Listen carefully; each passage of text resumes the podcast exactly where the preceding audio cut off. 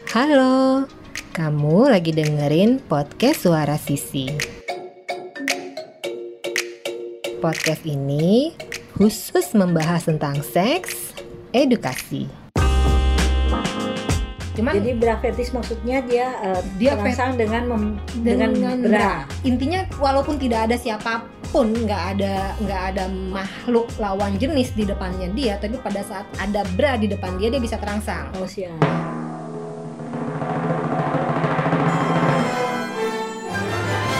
Hai sis. Hai sis. Oke, selamat datang kembali di Suara Sisi. Kita mau ngomongin apa sih hari ini? Yang lagi rame kayaknya sis. Apa tuh? Itu loh yang mahasiswa di Surabaya yang fetish. Eh, ini kita mau bahas fetis nih jadinya ya.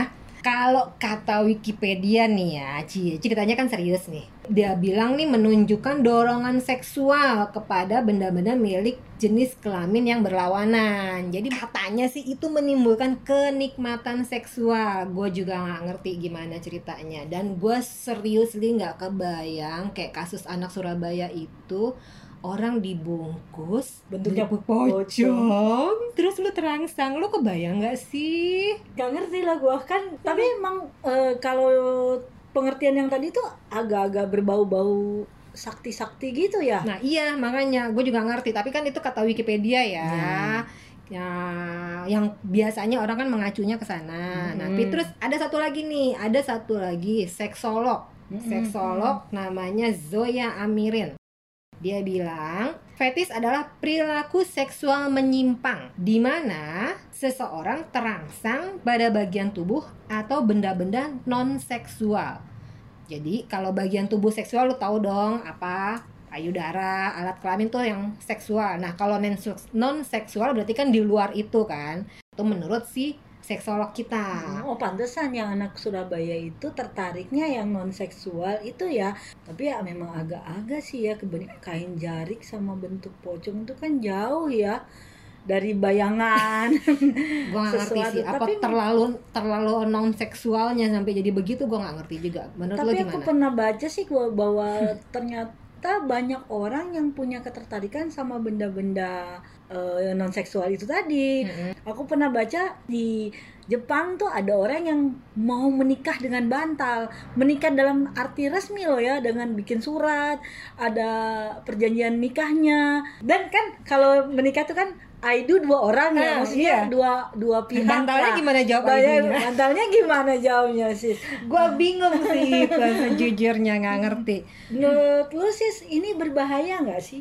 Terutama buat anak-anak eh, pra remaja. Mm-mm. Pra remaja berarti pra sebelum remaja sebelum nih. remaja maksudnya anak yang mungkin usianya benar-benar masih bukan balita tentu saja ya Hmm. tapi yang sudah eh, melek informasi tapi Mm-mm. tidak punya pengetahuan Udah akil balik belum nih? belum belum Belum. pra remaja kan berarti belum akil balik tapi kan mereka sudah terpapar dengan berbagai informasi Benar, apalagi benar. kemarin pelaku di Surabaya ini sangat Mhm. eh, gencar sempat sempat jadi tren ya di Mhm. berbagai media sosial pasti anak-anak pra remaja ini yang sudah diizinkan orang tuanya untuk menggunakan media sosial pasti Mhm. membaca dong Mhm. dan mereka tentu akan mencari tahu apa sih fetish itu dan bisa jadi bahkan itu menjadi sebuah pengetahuan baru bahaya nggak menurut lu sis?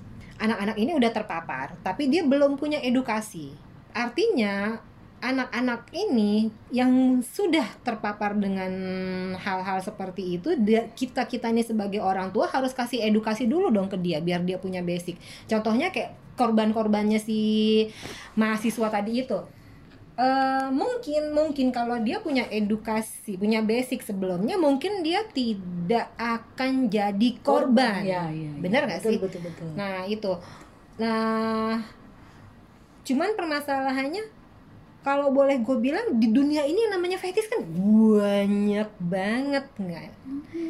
Maksudnya kayak tadi celana dalam itu boleh dibilang fetish yang paling umum, yang paling banyak di seluruh dunia. Ya, ini agak-agak bertentangan sih dengan eh, dengan definisinya ibu seksolog tadi yang katanya benda-benda non seksual. non ya? karena nggak tahu ya kalau gue ngeliat kok fet- fetis yang terhadap benda seksual justru banyak banget masa itu nggak bisa dibilang fetis sih iya sih agak itu ya karena mungkin kita kan bukan mempelajari ilmu psikolognya ya. Uh, bahkan ada juga yang bilang bahwa sebenarnya masing-masing dari setiap individu itu punya fetis kayak daya tarik daya rangsang lah Fetis ya. lo apa? Kalau gue sih otak ya, mungkin kalau gue buka-buka otaknya itu menarik gitu. Serem. Serem ya. Jangan dibedah ntar otak gue. Otak yang tidak terlihat, maksudnya Hmm. dari mungkin ketika bicara orang, wah dia seksi banget karena dia pintar, bisa ya. Oke. Seperti itu. Itu Ah. menurut aku Hmm. ya sih. Tapi kan eh, kalau dari ke apa eh, definisi bahwa itu harus sebuah benda atau Hmm. se- sesuatu yang terlihat, Hmm. perut kotak-kotak, Berat kata-kata. kardus dong. Perutnya digambar jadi kata-kata. Balik lagi ke si mahasiswa tadi. Kalau misalkan gini deh, kalau misalkan dia tidak sa- tidak sampai punya korban, tidak sampai ada anak-anak yang akhirnya eh, apa sih Merasa namanya terganggu. merasa terganggu apa segala macam, apakah dia pantas dihukum atau apakah dia bisa diadili? Nah sekarang orang mengadili fetis berdasarkan apa? Hmm. Gue nggak kebayang. Dan kayaknya eh, yang aku baca juga belum ada undang-undang untuk em, kasus seperti ini gitu. Hmm. Karena kan ini fantasi ya, Mm-mm. fantasi yang kemudian dia karena dia terapkan kepada orang lain dan Mm-mm. orang lain itu merasa terganggu, akhirnya dia menjadi delik aduan. Hmm. Tapi dengan hukum apa ya belum paham saya sih, bahkan seperti apa dia. Tapi kan secara eh, sosial, Hmm. secara eh, hukum masyarakat dia Hmm. sudah dapet dong Benar. karena orang sudah langsung menjudge bahwa Menjudge. dia sebagai orang yang punya eh, kelainan, Betul. punya Penyimpangan penyimpangan, eh, dan tentu itu suatu hal yang memalukan, memalukan Mm, nggak mm. cuma sebagai dirinya tapi keluarganya, Mm. terus alma mater tempat dia kuliah gitu. Karena dia memakan sekali. korban. Ya itu, itu Kalau dia tidak memakan korban, dia tidak akan ya itu malu. Iya iya iya, Ah. benar. Ada loh yang maksudnya karena fetish itu dan dia menemukan pasangan yang mungkin punya eh, ketertarikan yang sama itu Mm. mungkin menyenangkan. nggak akan ada masalah karena Iya. eh, sempat juga eh, dengar ada eh, orang yang bilang elu omongan dia nih ya gue bener-bener eh, ngopi omongan dia elu kalau mau cari istri ih cari yang fetisnya elu gitu loh jadi eh, maksudnya dia gini jadi lu nggak akan ngerasa hidup lu kurang tersalurkan lu nggak akan jadi nge- ngegangguin orang gitu karena udah ya udah udah udah ini gitu.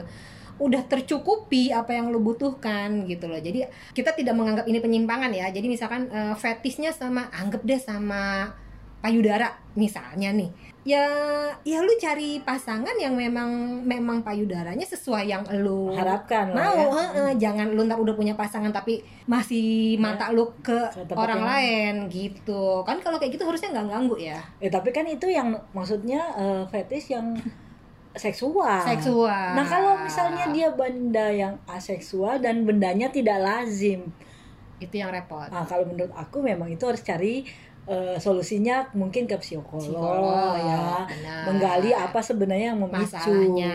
Nah, menurut lu apa penyebabnya? Nah, gua tanya. Kalau sekarang. menurut aku mungkin penyebabnya kembali ke tadi yang sis bilang bahwa harusnya kembali dari keluarga. Hmm. Oke. Bagaimana ketika awal orang tua itu Hmm. mendidik anaknya tentang eh, fungsi-fungsi seksual dulu mungkin Oke. bahwa ini laki-laki ini perempuan itu apa yang membedakan dan apa yang harusnya eh, mereka dapatkan. Maksudnya mereka pelajari dari fungsi seksual mereka itu kan anak-anak itu.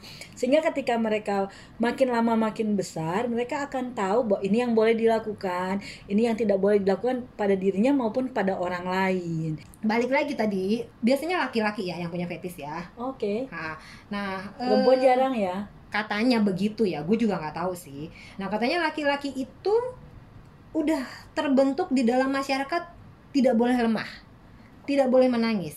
Nah, karena dia eh, karena seperti itu akhirnya dia mencari kenyamanan-kenyamanan untuk menolong dirinya sendiri saat dia merasa cemas, saat dia merasa merasakan sesuatu perasaan-perasaan yang tidak sanggup dia kelola. Nah, pada saat dia merasa tidak nyaman itu, somehow jadi terbentuk gangguan. Agak nggak ngerti sih gue cara berpikirnya ibu itu atau gue yang agak terlalu bodoh, gue nggak tahu juga. Jadi yang yang pasti itu menjadi trauma masa lalu katanya begitu. Ada satu lagi, gue punya cerita sendiri dengerin bentar. Jadi gini, gue punya temen yang eh, dia bra fetis. Hmm. cowok lah udah pasti ya gue udah tahu lama bahwa dia bra fetish cuman Jadi bra fetish maksudnya dia eh, Dia terangsang dengan mem- dengan, dengan bra. bra. Oh. Oke. Intinya walaupun tidak ada siapa pun, nggak ada nggak ada makhluk lawan jenis di depannya dia, tapi pada saat ada bra di depan dia dia bisa terangsang. Oh siap. Sian sekali ya. Gue tanya dong, kenapa? Apa penyebabnya?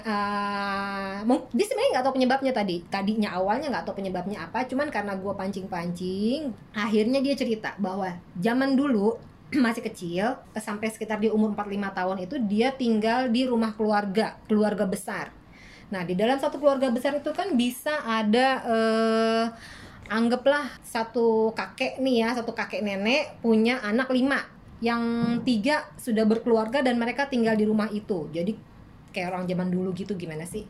Nah terus dia selalu melihat gantungan jemuran bra. Dan itu ada di kamar mandi. Dan dia setiap mandi diliatin itu jadi kayak memancing apa sih? Itu tertanam lah di kepalanya dia di amigdalanya dia tertanam. Terus udah gitu dia pindah dari rumah itu dia punya rumah sendiri orang tuanya orang tuanya punya rumah sendiri. Sekitar lima tahun kemudian dia pergi ke luar negeri dia diajak nginep di rumah kerabat yang juga dijadiin kos-kosan. Di kos-kosan itu tiba-tiba dia lihatlah jemuran bra cakep-cakep karena punya mahasiswi kan ya cakep-cakep dan langsung ingatan yang sebelumnya sudah hilang lima tahun hilang tong balik lagi.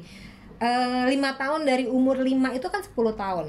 Dan seperti kita tahu itu adalah masa pubertas. Jadi istilahnya lagi meletek dia ngeliat lah itu mem- apa eh, Jadi tertanam dalam terta- apa yang udah tertanam. Nah, mulai dari situ, mulai dari titik itu, jadilah dia seorang brafetis Hmm. sampai sekarang. Jadi ya kalau gua ngambil kesimpulan dari ceritanya dia itu jadi kayak ada sesuatu pada saat masa pubertas eh, pada saat masa pubertasnya kita atau masa pubertasnya siapa pun sesuatu yang memicu dan akhirnya tertanam gitu loh. Nah ya kayaknya dari cerita yang lu ceritain tadi itu Hmm. ada seorang peneliti yang namanya Leigh Miller dia bilang itu yang kasus lu temen lu itu termasuk dalam the Pavlovian theory.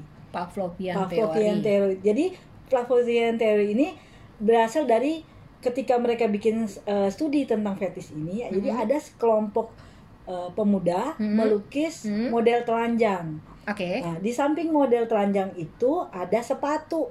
Uh-uh. Akhirnya mereka menjadi terangsang pada sepatu tersebut. Bukan modelnya. Bukan pada modelnya. Oke.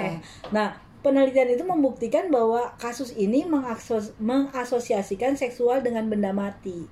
Otak dapat membentuk asosiasi seksual dengan benda-benda bahkan jika orang itu tidak ingin. Jadi dia kan nggak Bentar, tadinya bentar. Dapat mengasosiasikan seksual dengan benda-benda Hmm. bahkan jika orang tersebut tidak ada keinginan sekalipun. Jadi lu lagi nggak kepengen, lagi nggak kepikir Ah. apa-apa, tiba-tiba langsung terangsang. Ah, karena eh, seperti kasus yang pelukis-pelukis itu dia Ha-ha. melukis kan model telanjang kan, Ha-ha. tapi di sebelahnya ada sepatu malah mereka terangsang dengan sepatu. Oke. Karena itu otak hanya akan mengulangi hal yang sudah pernah dia alami. Ya. Kayak temenmu itu Ah, kan. Betul, betul.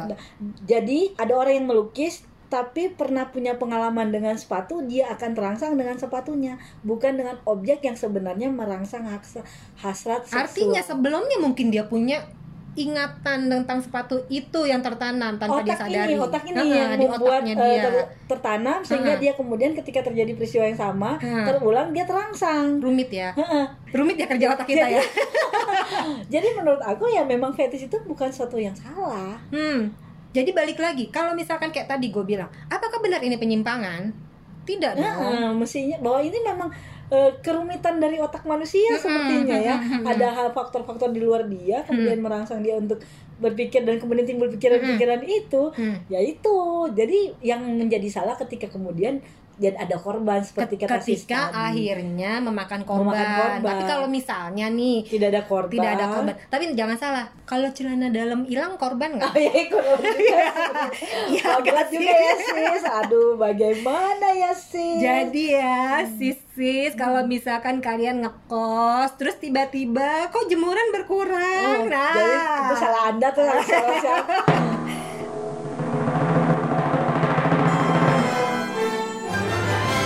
Oke, sampai di sini dulu ya obrolan kita mengenai seks edukasi kali ini.